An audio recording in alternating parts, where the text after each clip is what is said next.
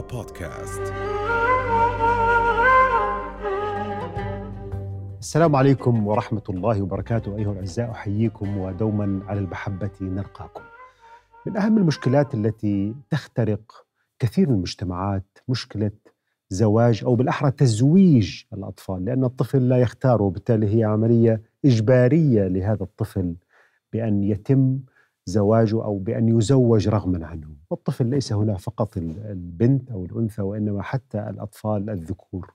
مشكلة آه، قد يكون المجتمع الأردني يعني من المجتمعات التي قلت فيها نسبة تزويج الأطفال ولكن فعلا هي مشكلة تجعلنا يعني نعود لنضيء على مفهوم الزواج وعلى مقاصد الزواج وعلى أيضا نظرة الإسلام للطفل وحقوق الطفل من القضايا المهمة اليوم في حقوق الإنسان في واقعنا المعاصر موضوع حقوق الطفل، موضوع تزويج الأطفال الحقيقة. وهناك من يسميه زواج الأطفال، زواج القاصرات، مصطلحات مختلفة، نريد اليوم أن نتوقف مع مشاكلنا وأحد أهم مشاكلنا الاجتماعية في مجتمعاتنا العربية عموما، نتحدث عن هذا الموضوع وفي ضيافتنا اليوم الدكتورة سناء الحنيطي أستاذة الفقه في الجامعة الإسلامية العالمية. أهلا وسهلا دكتورة. أهلا فيك. شرفتونا. أهلا, أهلا وسهلا فيك. دكتورة عامر حياكم يعني دكتورة أولا يعني التسميات إحنا دائما بنوقف عند إنه شو اسمه زواج قاطر قاصرات زواج أطفال تزويج أطفال صغيرات زواج الصغيرات. نعم. فما رأيك يعني بالنسبة لهذه التسميات هل هناك دلالة ما بين التسمية والتأييد أو عدم التأييد للموضوع؟ حقيقة إذا نظرنا إلى زواج يعني الأطفال خلينا نحكي آه، يعني هو بعيد كل البعد عن آه، موضوع الحقوق التي يمكن أن ترسم للطفل. آه، سواء كان سواء كنا نطلق هذا المصطلح كزواج القاصرات أو زواج الأطفال أو زواج كما استخدمه الفقهاء سابقا زواج الصغار كله يؤدي إلى نفس المآل وإلى نفس آه، المشكلة وهي موضوع آه، أننا نزوج آه، شخص يعني خلينا نحكي بعيد كل البعد عن حقوقه التي يجب أن يتمتع بها في هذه المرحلة العمرية.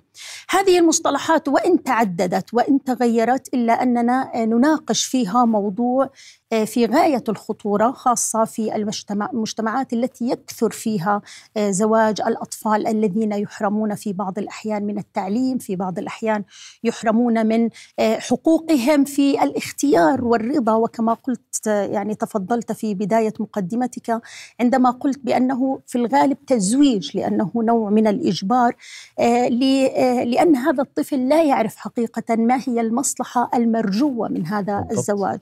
يمكن أن يعلم به وليه لكن الولي ليس دائما أو في أغلب الأحيان يترجى المصلحة لكن هنالك قد لا تكون هناك نعم مصلحة حقيقية. قد يكون هنالك استثناء من هذا آه الأصل. نعم. طب دكتورة سناء يعني حتى يكون فعلا مدخل مناسب للحديث عن موضوع تزويج الأطفال نفس مفهوم الزواج. يعني أنا بكل صدق يعني وأنت أستاذة الفقه بعض الفقهاء لا نعمم عندما يعرف الزواج يعرفه بطريقة تركز على الرجل وما الذي يريده الرجل صحيح. من المرأة وهناك جانب حتى له علاقة بالمتعة نعم. بالجسد بالغريزة بالرغبة نعم. هذا التعريف لدى بعض الفقهاء يجعلني أشعر أحيانا وأنا بكل يعني أحب دائما هذه الصدق في المفاتحة دائما نسميها لماذا تعتقدي أنه بعض الفقهاء ركزوا على الجانب الجسدي الذكوري مش عملية مشتركة مش الطرفين كذا وكذا نعم. في التعريف هناك نوع من النزعة الذكورية نعم يعني كيف نعلق على هذا التعريف؟ نعم يعني الناظر لكتب الفقهاء حقيقة هنالك بعض العبارات التي تستوقف نعم. أي شخص يمكن أن يتأمل هذه العبارات بطريقة خليني أحكي متعمقة آه واقعية آه قد يعني نقول بأنه الفقهاء عندما كانوا يتحدثون كانوا يتحدثون من واقع من واقع بيئتهم نعم. الفتاة في في ذلك الزمن وفي ذلك الوقت تختلف عن الفتاة في وقتنا بالضبط. الحالي يعني ما كانت في منظومة التعليم مثلا على سبيل المثال في وقتهم الفتاة بنيتها الجسمية جدا مختلفة عن بنية الجسمية للفتاة في وقتنا الحالي ما قبل ال 18 سنة عقد الزواج له مقاصد أسمى من من من من أي فكرة آه، فيها الاستمتاع أو فيها آه، النظرة إلى جسد المرأة. آه، حقيقة عندما ننظر إلى الزواج ومقاصده نجد بأنه المقاصد عظيمة.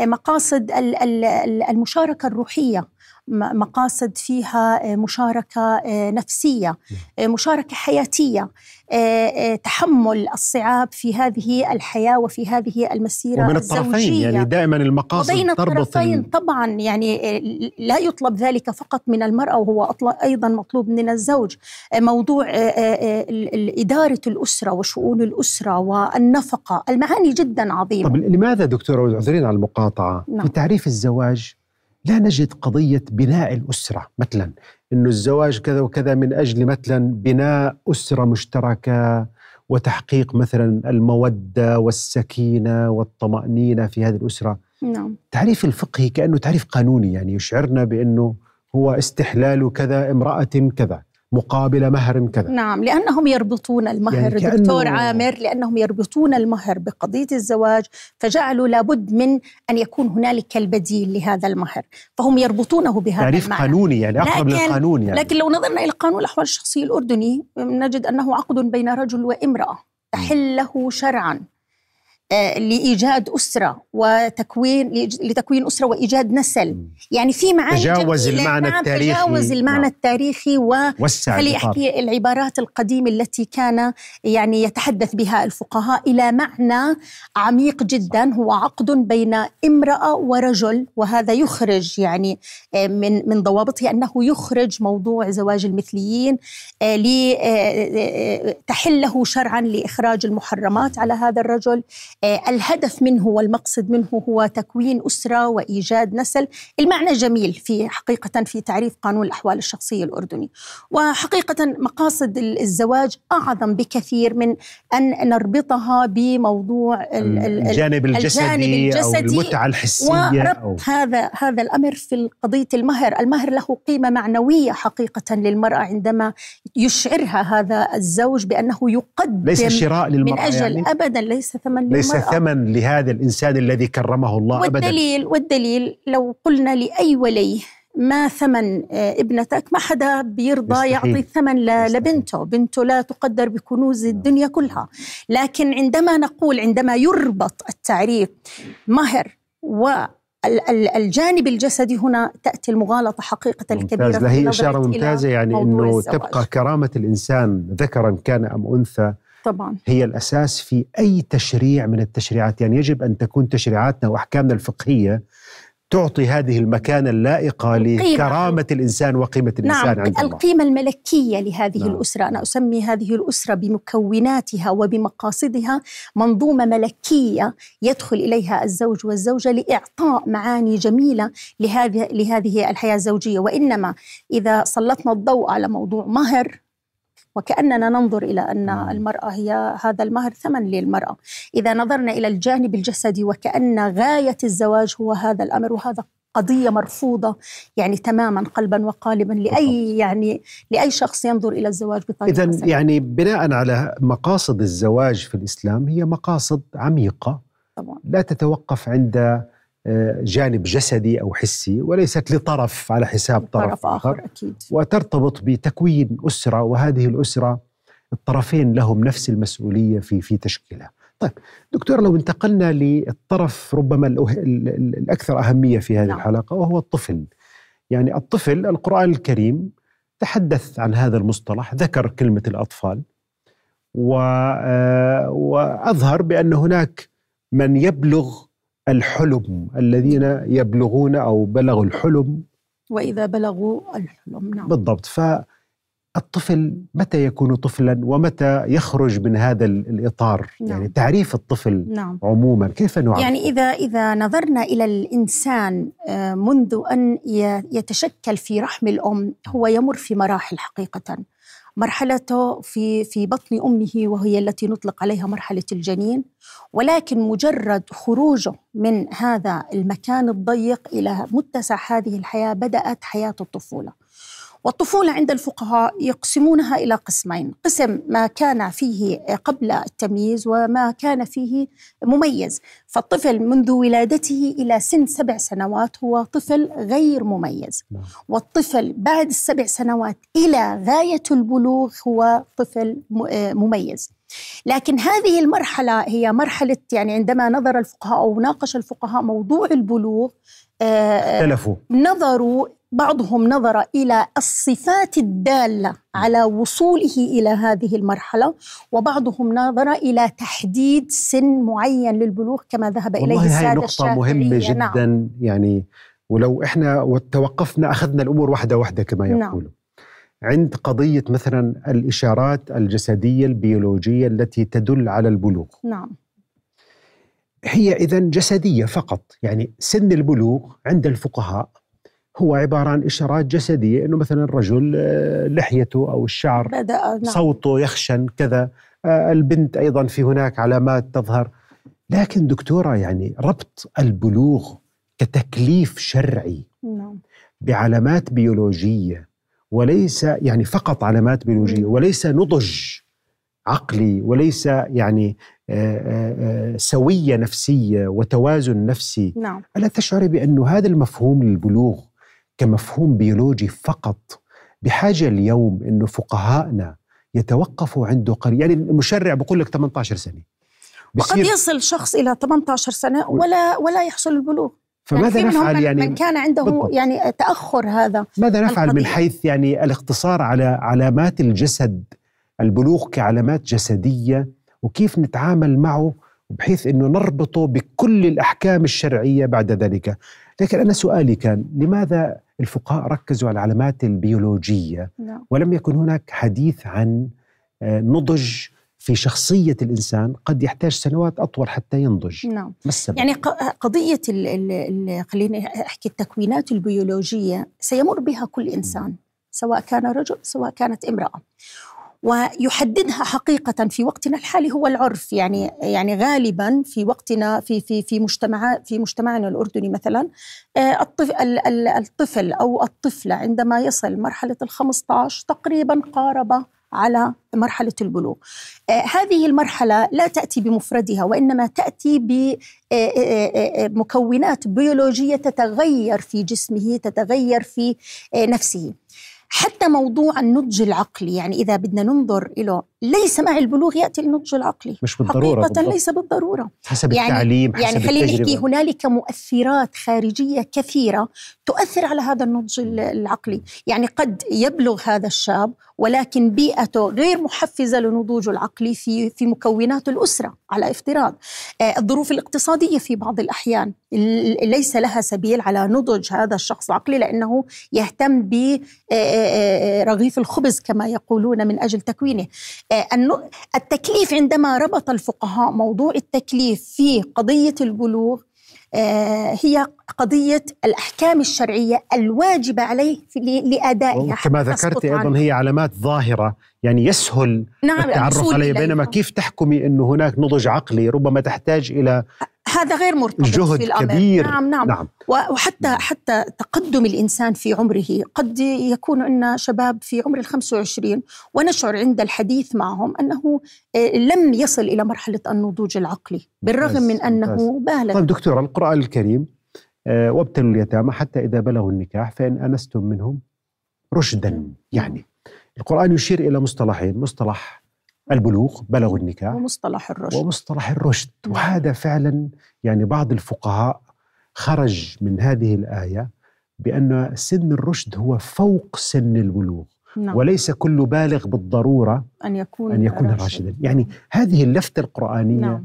التي أشار إليها بعض الفقهاء كيف يعني نعم. نستثمرها في موضوع الأطفال وزواج الأطفال الذي سنتحدث عنه نعم. بطريقة معمقة آه، قضية البلوغ آه، لها لها ارتباطها بالأحكام الشرعية ولكن قد يكون مرحلة الرشد بأنه يملك أمواله يستطيع أن يتصرف بها آه، أصبح قادر على الرضا والاختيار في عقد الزواج وهو ما أخذ به قانون الأحوال الشخصية الأردني في المادة رقم 10 بالفقرة ألف بأنه سن الرشد وسن الزواج يكون بعمر ال 18 سنة الشمسية آه، وأعطى الاستثناء يعني إحنا إذا بدنا نعرج على الناحية القانونية وأعطى الاستثناء في الفقرة باء وربما نتحدث وهذا أكيد عنها نعود إليه يعني فيما بعد لكن موضوع آه، أن هذا الشخص يعني الرشد. وصل إلى رشده وصل إلى أن يعرف قبلته م. أنا هيك دائما بسميها يعرف آه، الرضا يعرف الاختيار قادر على الإحاطة فيما خليني أحكي زيادة على التمييز فقط زيادة على على على على البلوغ قادر على أن آه، يحيط بمكونات الأسرة بأن يكون موجود فيها قادر على إدارتها. الشخصية اختلفت وإذا جيناها من ناحية نفسية البالغ غير الراشد. الراشد شخص أصبح قادر على تحمل المسؤولية إلى حد ما أنا بديش أحكيها بالمطلق. أيضا لكن إلى حد كنقطة ما بداية نعم نقول. كنقطة بداية وكنقطة انطلاق فهو عدا عن أنه بالغ زيادة على ذلك أنه راشد وهذا هو الأصل ولكن كل هذه المعطيات سواء كان في البلوغ أو الرشد يحتاج إلى المحفزات البيئية التي يعني تحيط بهذا جميل. بهذا الشخص يعني دكتورة إذا كان تصرف الإنسان بماله يعني الحقوق المالية تحتاج إلى أن يكون بالغ ثم نتأكد راشد. أن يكون راشد الآن هنا الإشكالية كيف يمكن أن يكون الحق المالي أكثر أهمية من حق اختيار الزوج نعم. يعني لماذا يتجاوز أو دعنا نقول كثير من الفقهاء وربما التاريخ له علاقة وكما ذكرت نعم. قبل قليل طبيعة المجتمع قالوا بأن هناك شبه زي ابن عبد البر مثلا يقول أن هناك إجماع عند عند الفقهاء بأنه يحق لولي الأمر أن يجبر الطفل على الزواج ما هذا الكلام يعني نعم. اليوم نحن لو عرضنا هذه القضية بهذا الأسلوب سيقول لنا الناس بأنكم أنتم هذا اضطهاد للأطفال هذا يتنافى نعم. مع نعم. أبسط حقوق الطفل أن تجبر الطفله على الزواج رغما عنها وهي عمرها مثلا 8 سنوات 7 سنوات 10 سنوات كيف يمكن للفقيه المعاصر أو نعم. الفقيهة المعاصرة اليوم أن تنظر لهذا النوع من ال- ال- الفكر الفكر الفقهي عند السابقين وكيف نعم. يمكن أن ننضج أو أن نتمم هذه العملية الاجتهادية في الفقه نعم. اليوم قضية أن هذا الأمر آه، فيه إجماع كلام غير. دقيق على الإطلاق آه، ابن شبرمة من التابعين الذين آه، ذهبوا إلى أن هذه القضية فيها خلاف وكان ممن خالف زواج القاصرات حقيقة فالقضية فيها آه، مجيزين فيها مانعين. يعني ليس اجماع ليس إجماعا. وعندما نستعرض يعني آه، رأي الفقهاء في المسألة سنجد أن هنالك آه، اتجاهان في المسألة. مسألة من يجيز مسألة من يمنع هذا الأمر. آه، ال- القضية آه، الذين قالوا حتى في حديث النبي صلى الله عليه وسلم أو ما ور- ما ورد أن عندما جاء عمر وأبا بكر لخطبة آه، السيدة فاطمة لعلي بن أبي طالب آه، قالوا فزوجها واستدلوا بهذا الأمر بأنه كلمة الفاء هي أنه كان على الفورية. وكان رد المانعين لذلك بأن هذا كلام غير دقيق لأنه ربما آه، آه، آه، وافق وكان الزواج فيما بعد يعني حتى بلغت السيدة وهذا ما قالوا بعض إنه بعد نعم، غزوة بدر. نعم. وكان عمرها عند البعض قال عمرها كان 15 وبعضهم قال عمرها كان 18 نعم. حتى في موضوع يعني من يستند إلى موضوع مثلا أن السيدة عائشة رضي الله عنها وأرضاها قد تزوجها النبي في عمر تسع, تسع سنوات. سنوات. هذا في, ال في, ال في, ال في إذا دخلنا على الناحية التاريخية في له كلام. وكلام في العمر وكلام في التاريخ ومتى تزوجها النبي صلى الله عليه وسلم وكم كان عمر الرسول صلى الله عليه وسلم وإلى غير ذلك. وبعضهم قال هذا من خصوصيات النبي صلى الله عليه وسلم. وبعض العلماء قالوا يعني أي قياس يكون على النبي صلى الله عليه وسلم وهو خير الخلق؟ آه، فهنالك كثير من الأمور. حتى في في في معرض الآية الكريمة واللائي لم يحضن وهي الآية استدلوا بها على الكريمة زواج الصغيرات. التي استدلوا بها ويعتبرونها من من أكثر الأدلة قوة للتمسك بها لإباحة إجازة أو جواز زواج القاصرات. طب ماذا ماذا نفعل بهذا الدليل؟ هم يقول إنه آية واضحة تقول واللائي لم يحضن نعم فيتحدث عن العدة وبقول لك عدة البنت التي لم تصل إلى ال- أن أن تبلغ مثلا العادة التي تأتي النساء اذا هي متزوجة. نعم.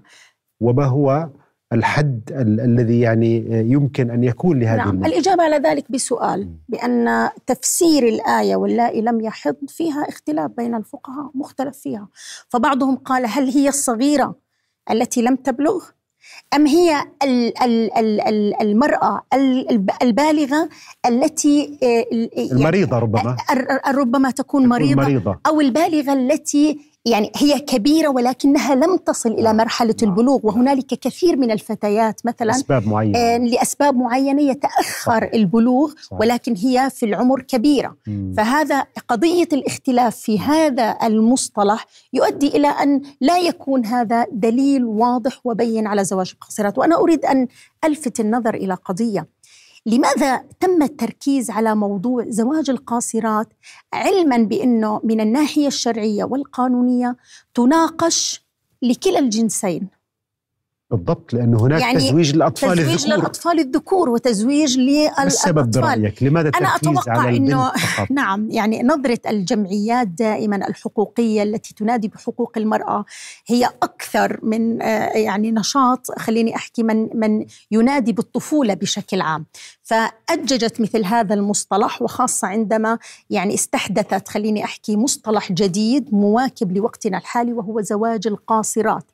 قانونا وهو لفظ قانوني آه، واعتبروا أن تسليط الضوء أننا كأن القانون يجبر على تزويج القاصرات وهذا الأمر. طبعا والله مرفوض. نقطة مهمة فعلا لكن دكتورة كنسب إحصائية يعني إحنا بنعرف إنه في كثير من الرجال كبار يعني نعم. قد يكون رجل ثري وخاصة الناس اللي عندهم يعني إمكانيات مالية هناك من يحب أن يتزوج بفتاة صغيرة نعم ولكن الطفل نادرا ما يحب أن يتزوج يعني الطفل كذكر هو لا يحب الزواج وبالتالي هي الظاهرة فعلا. من ناحية عددية دعنا نقول هي ظاهرة وإحنا بنشوف حتى في بعض الأوساط الفقيرة هناك من يتجرأ ليذهب ليخطب تزويج هذه أو تزويج بنته بالضبط بده تزويج يخلص بنته للخلاص من عبئها المالي يعني هون نعم. لو توقفنا فعلا قضية السبب دكتورة مم. يعني ليش يلجأ بعض الآباء أو بعض ال... هم عادة الآباء يعني نعم. لتزويج أطفالهم الإناث خاصة نحن اليوم نعم. في مجتمعاتنا سواء كنا نتحدث عن الأردن نتحدث عن المجتمع العربي هناك أسباب محددة تدفع الآباء أحيانا لأسباب الصديق أو غير ذلك نريد أن نسلط الضوء ما هي الأسباب التي تدفع الأب أن يزوج بنته اللي عمرها مثلا 13 سنة 14 سنة. عندما قلنا يعني زواج الفتيات زواج الطفلات زواج القاصرات كان له معنى وله مغزى بإنه ليش ما بنحكي دائما وبنسلط الضوء على زواج الأطفال وزواج آه الصبيان. آه حقيقة المرأة دائما في هذا الجانب هي المرأة الأضعف. وخاصة في في موضوع الخجل النفسي صحيح. الذي يصيبها آه، عندما يعني تريد أن تدلي بدلوها في موضوع آه، زواجها. آه، قضية أخرى بأن الآباء في أكثر الأحيان ينظرون إلى أن البنات هي هي عبارة عن عبء مالي خاصة إذا كانت الظروف الاقتصادية التي تحيط بهذه الأسرة ظروف صعبة.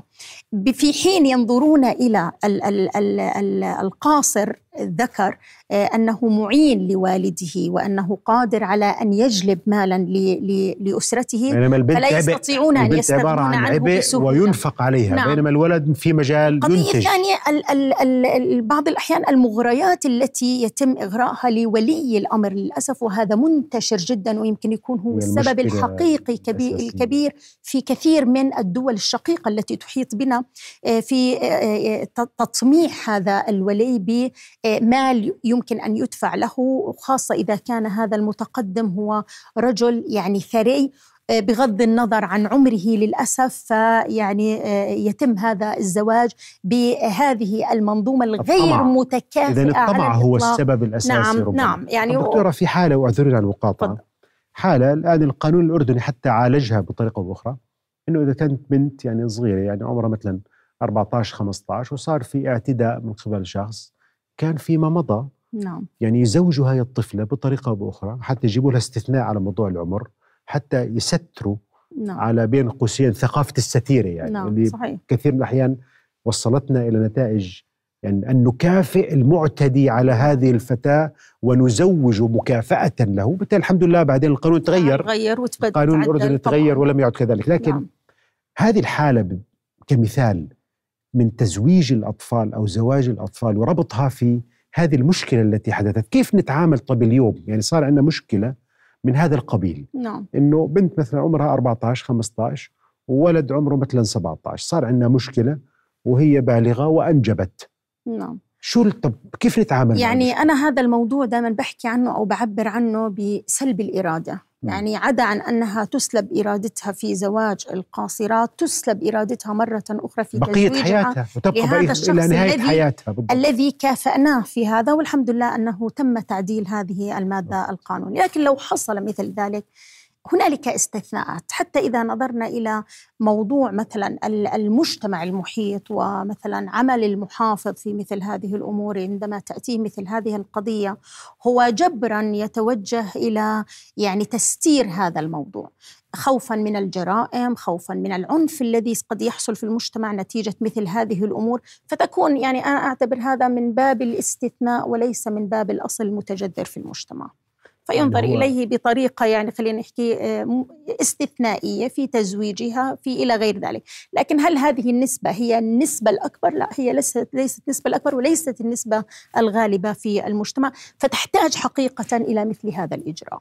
جميل نعم. دكتورة من ناحية الآثار يعني لو وقفنا هناك طفل أو طفلة تزوجوا لسبب أو لآخر يعني بتعتقدي إنه هذا الطفل الذي ربما لا يحسن ولا يستطيع أن يعالج قضاياه اليومية أو هاي الطفلة اللي يمكن لعبتها معها يعني صحيح. لساتها ما تزال طفلة بسيطة جدا تنتظر من يعطيها كوب الحليب ربما صحيح. أو أن ينظف ملابسها كيف تكون أم مم. مهمة الأمومة هل هي مهمة سهلة؟ مهمة الأبوة مهمة بناء الأسرة هل يستطيع الطفل ربما يكون شخص الآن عمره 40 سنة ما لا يستطيع أن نعم، يقوم صحيح، بمهمة صحيح.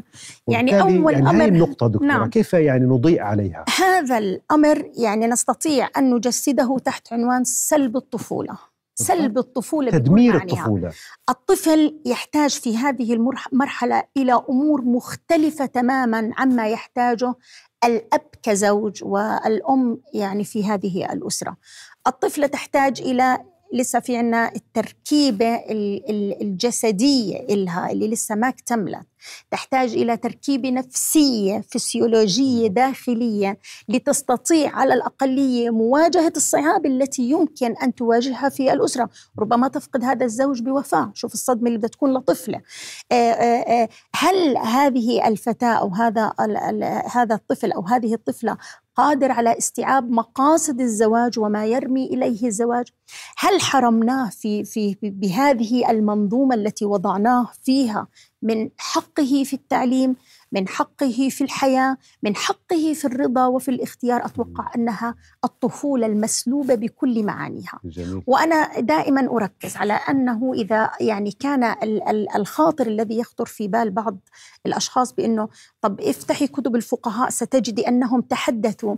أنا دائما أربط كثير من المعاني الفقهية والأحكام الفقهية الاجتهادية التي توصل إليها الفقهاء أنهم كانوا يربطونها بمجتمعاتهم وببيئتهم. والله نقطة والبيئة مهمة اختلفت الآن عندنا بكل إن الحكم معطياتها الفقهي هو حكم يعني ابن بيئته ابن مرحلته. تمام. وبالتالي الحكم الفقهي من أجل ذلك هناك تغير في الأحكام بتغير الأزمان. طبعا أكيد.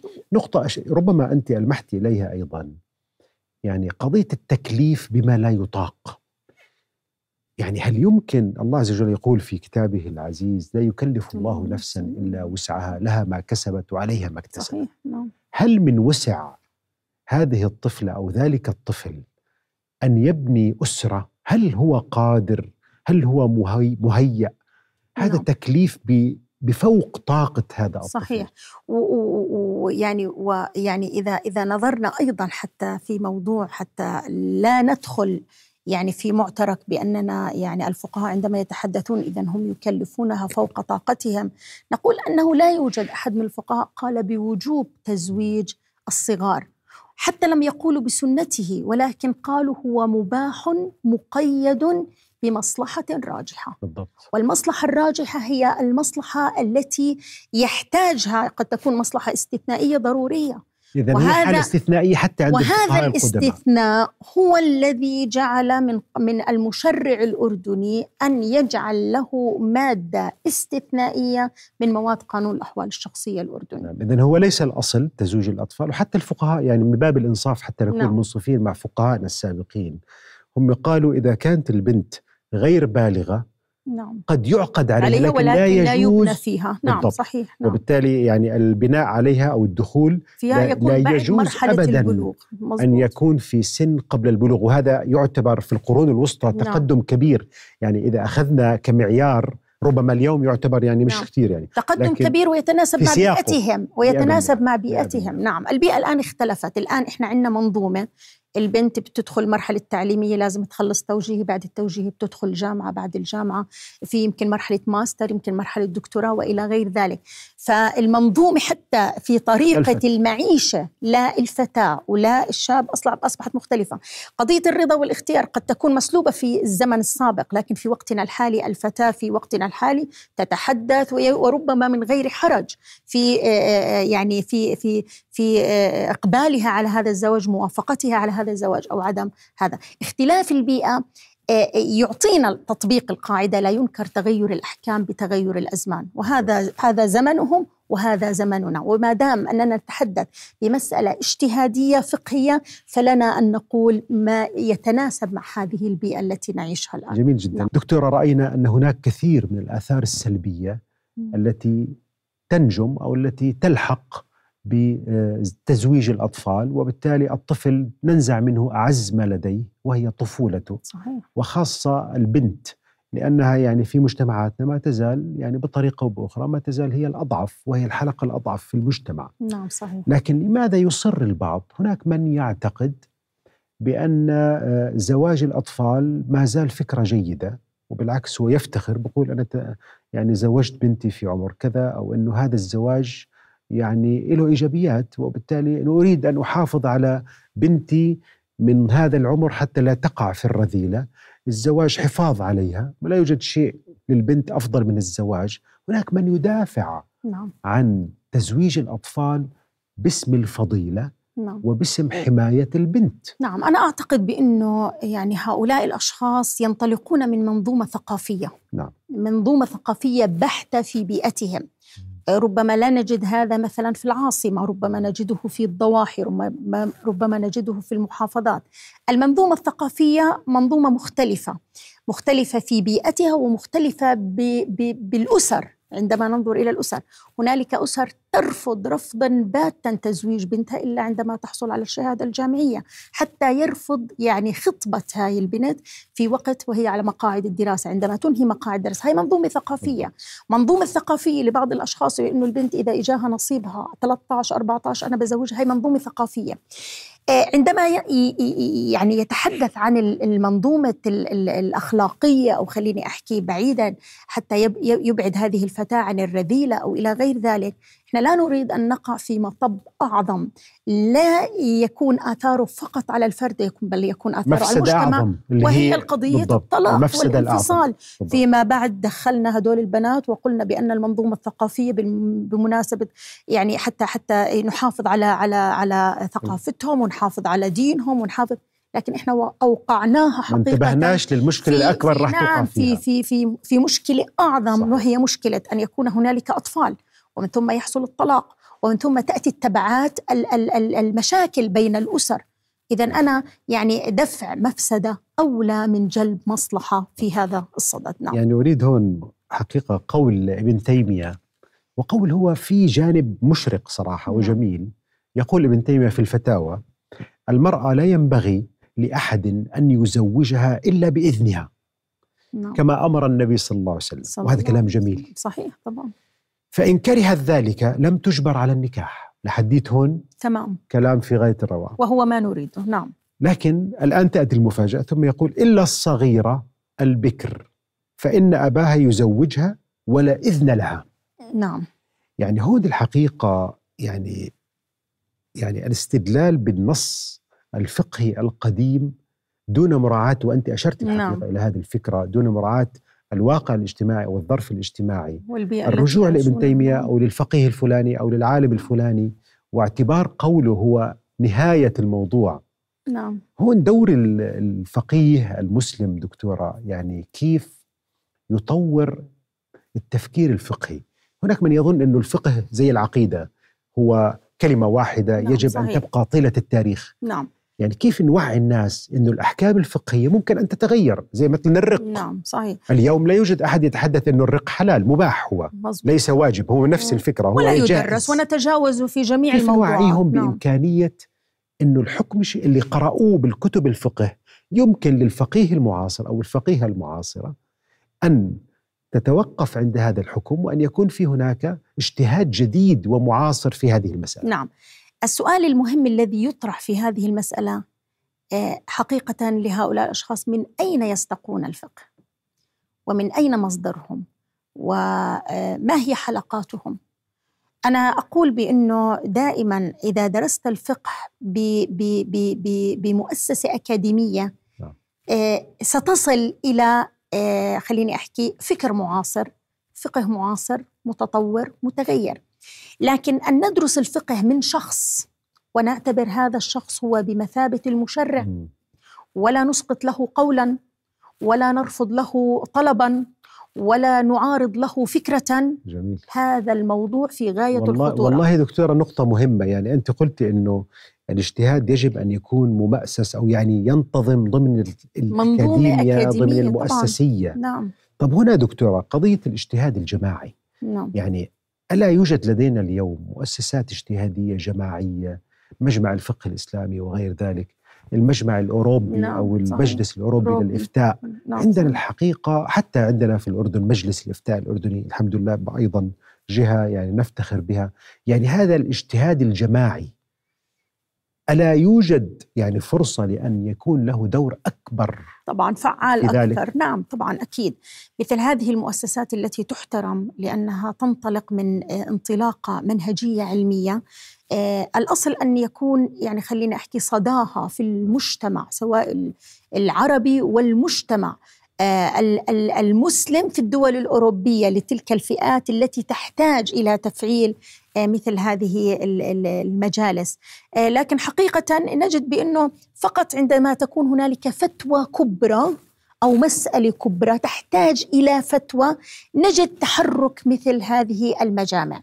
الأصل أن يكون هنالك دور مختلف في مستر أو استباقي. استباقي. استباقي. وأنا أسميها دائما الضربة الاستباقية ل- آه، آه، آه، للشعور بخطر قضية معينة أن تصدر بها فتوى بالضبط. وحقيقه دائرة الإفتاء مشكورة في آخر فترة آه، أصبحت تركز على هذا النوع من الفتاوى الاستباقية قبل حدوث الشيء آه، تجدها تصدر هذه الفتوى وهذا يعني جهد تشكر عليه ونقطة ثانية والله. دكتورة يعني حتى لا يقولوا إنه إحنا والله خضعنا لمؤسسات معينة ولضغوطات معينة إنه بطلوا يزوجوا البنت وهي صغيرة لأنه في ضغوطات خارجية نحن لا نفعل أبداً. ذلك كما ذكرت استباقيا نعم نحن نستشرف أيضا أن هناك مشكلة سوف تقع في مجتمعنا بعد عشر سنوات نعم. لماذا لا نعمل على حل هذه المشكلة من اليوم نعم لماذا أنتظر عشر سنوات عندما يكون عدد الأطفال أو ال- ال- المطلقات نعم. الأطفال المطلقات يصير في عندنا نسبة كبيرة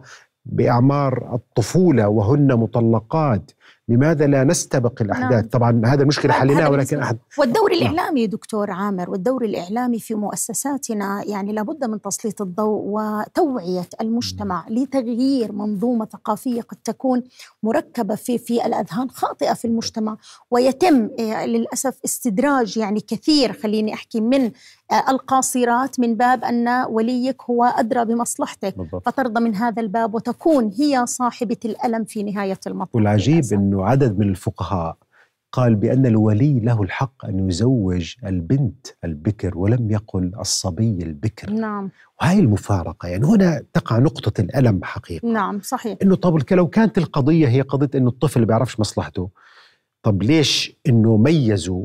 كثير من الفقهاء قال لك آه بيطلع له إنه البنت الطفل. يزوج بس بيطلعلوش يزوج الطفل. نعم. يعني حتى هون في تمييز يعني بين. نعم التمييز يعني أنا بحكي آه، الفقه وضع من آه، رجال. لابد أن يكون متأثر بفقه ذكوري ما. نعم. ليس معنى ذلك الانتقاد ولكن لابد من التركيز في بعض المسائل حول هذا الأمر علما بأنه يعني إذا نظرنا الفقهاء يركزون على موضوع دائما تزويج الصغيرة لأنه مرتبط بموضوع الولي. لكن الطفل غير مرتبط بموضوع الولي فتجده لا يتحدثون. وللأسف ربما الطفل يقع في مطب زواج الأطفال وممكن أن تقع هذه الطفلة أيضا في مطب زواج الصغيرات.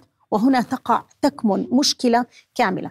آه، الفقه الذكوري موجود نعم. في في في في في بعض الكتب وفي بعض الاقتباسات لكن لا نستطيع أن نقول آه، أنه يعني يجرم على ذلك ولكن ولا يشكل سمه عامة نعم لكل الفقه ويمكن طبعا أن يكون ظاهرة استثنائية ظاهرة استثنائية في بيئتهم ودائما نقول الفتوى بمثل هذه الأمور هي وليدة تلك البيئة التي كانوا جميل جدا يعني نعم. دكتورة سناء دحنيطي أشكرك الحقيقة يعني شكرا جزيلا يعني على هذا الوعي الفقهي المعاصر وعلى هذا الإدراك لايضا أهمية مراجعة هذا الفقه ولفكرة أيضا الفتاوى الاستواقية التي يجب نعم. أن نركز عليها كثيرا في مجتمعاتنا المعاصرة. نعم.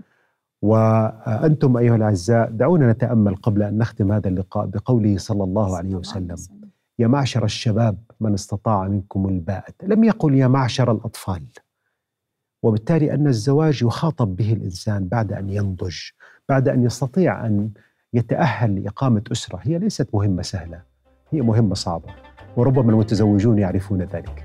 إلى أن نلقاكم في حلقة أخرى أستودعكم الله. رؤيا بودكاست